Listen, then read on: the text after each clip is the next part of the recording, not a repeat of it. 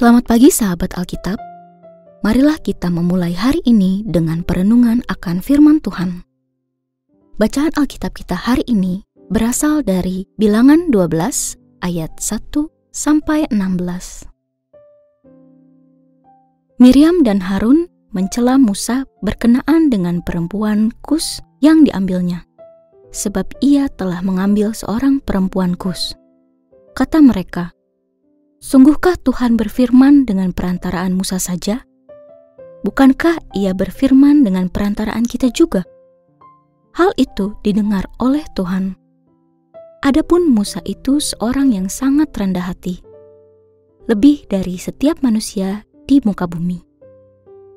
Tiba-tiba Tuhan berfirman kepada Musa, Harun, dan Miriam, "Keluarlah kamu bertiga ke kemah pertemuan." Ketiganya pun keluar. Lalu turunlah Tuhan dalam tiang awan dan berdiri di pintu kemah itu. Ia memanggil Harun dan Miriam, keduanya pun tampil. Ia berfirman, Dengarlah firmanku ini, jika di antara kamu ada seorang nabi, maka aku, Tuhan, menyatakan diriku kepadanya dalam penglihatan. Aku berbicara dengan dia dalam mimpi tidak demikian dengan hambaku Musa, seorang yang setia dalam segenap rumahku. Berhadapan muka aku berbicara dengan dia secara langsung, bukan dengan teka-teki, dan ia memandang rupa Tuhan. Mengapa kamu tidak takut mencela hambaku Musa? Murka Tuhan pun menyala-nyala terhadap mereka. Lalu ia pergi.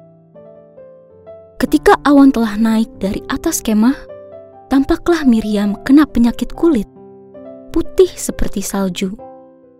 Harun berpaling kepada Miriam, dan dilihatnya Miriam kena penyakit kulit yang menajiskan. Lalu kata Harun kepada Musa, "Ampun, tuanku, janganlah timpakan kepada kami dosa yang kami perbuat dalam kebodohan kami. Janganlah biarkan dia menjadi seperti bayi mati yang pada waktu keluar dari kandungan ibunya sudah setengah busuk dagingnya. Lalu berserulah Musa kepada Tuhan, "Ya Allah, sembuhkanlah kiranya dia." Kemudian Tuhan berfirman kepada Musa, "Seandainya ayahnya meludahi mukanya, tidakkah ia mendapat malu? Selama tujuh hari, biarlah dia selama tujuh hari dikucilkan keluar perkemahan." Kemudian bolehlah ia diterima kembali. Lalu Miriam dikucilkan di luar perkemahan selama tujuh hari. Dan bangsa itu tidak berangkat sebelum Miriam diterima kembali. Kemudian berangkatlah mereka dari Hazerot dan berkemah di padang gurun Paran. Sahabat Alkitab, jika pada perikop bacaan kemarin kita telah melihat bentuk keserakahan pada orang Israel yang tidak dapat menahan diri mereka terkait makanan, maka sekarang kita diperhadapkan dengan narasi mengenai ketidakmampuan dua sosok pemimpin umat dalam menjaga diri mereka dari keserakahan terkait kekuasaan dan ketenaran. Sekilas, perilaku Miriam dan Harun seolah terkesan hanyalah berlandaskan motif perilaku Musa. Namun, melalui pernyataan Sungguhkah Tuhan berfirman dengan perantaraan Musa saja? Bukankah ia berfirman dengan perantaraan kita juga? Telah menunjukkan adanya motif kecemburuan sosial terkait status dan kuasa di tengah orang Israel. Mereka yang adalah saudara dari Musa justru berperilaku melawan Musa dengan berusaha menyingkirkannya dari sistem kepemimpinan bangsa Israel pada masa itu. Hal ini pun menjadi semacam kudeta yang dilakukan oleh keduanya dengan menggunakan latar belakang seorang perempuan dari Kus yang diambil Musa sebagai langkah untuk meruntuhkan kredibilitas kepemimpinan Musa.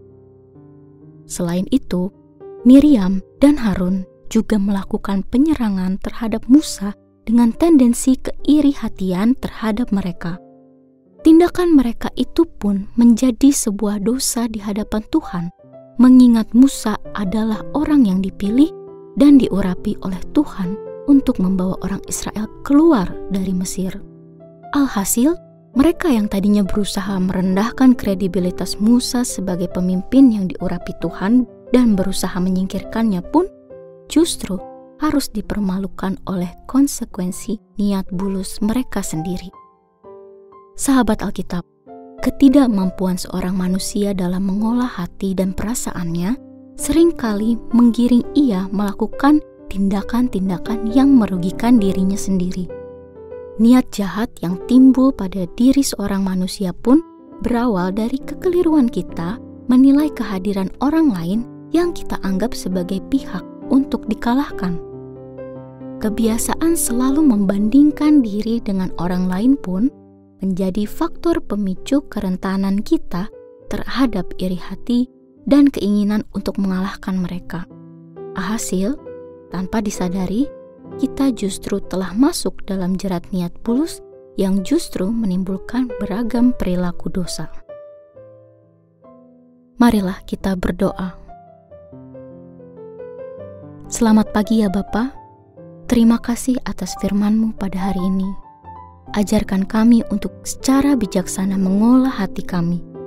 Berikan kami hikmat untuk bisa berfokus pada hidup dan cita-cita kami tanpa membandingkan diri kami dengan orang lain.